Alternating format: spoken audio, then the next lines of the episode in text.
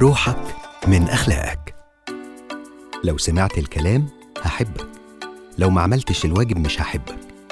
هي بنت خالتك أحسن منك في إيه عشان تجيب نمر أحسن منك هو يعني أنت مش زي ابن عمك اللي أخد بطولة الجمهورية؟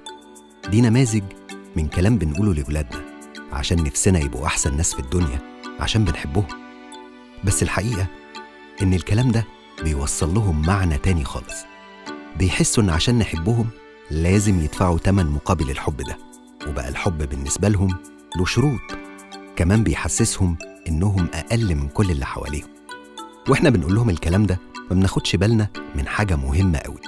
إن أهم حاجة في مرحلة الطفولة إن الطفل يحس إنه محبوب ومقبول زي ما هو من غير شروط ولا مقارنات.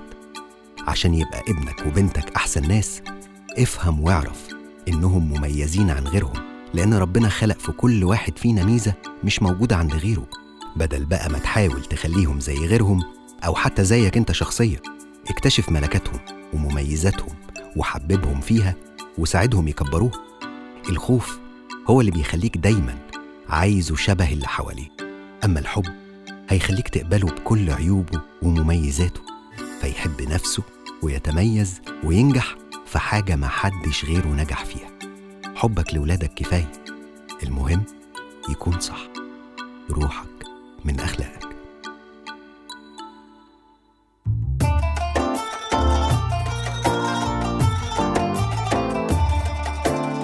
روحك من أخلاقك.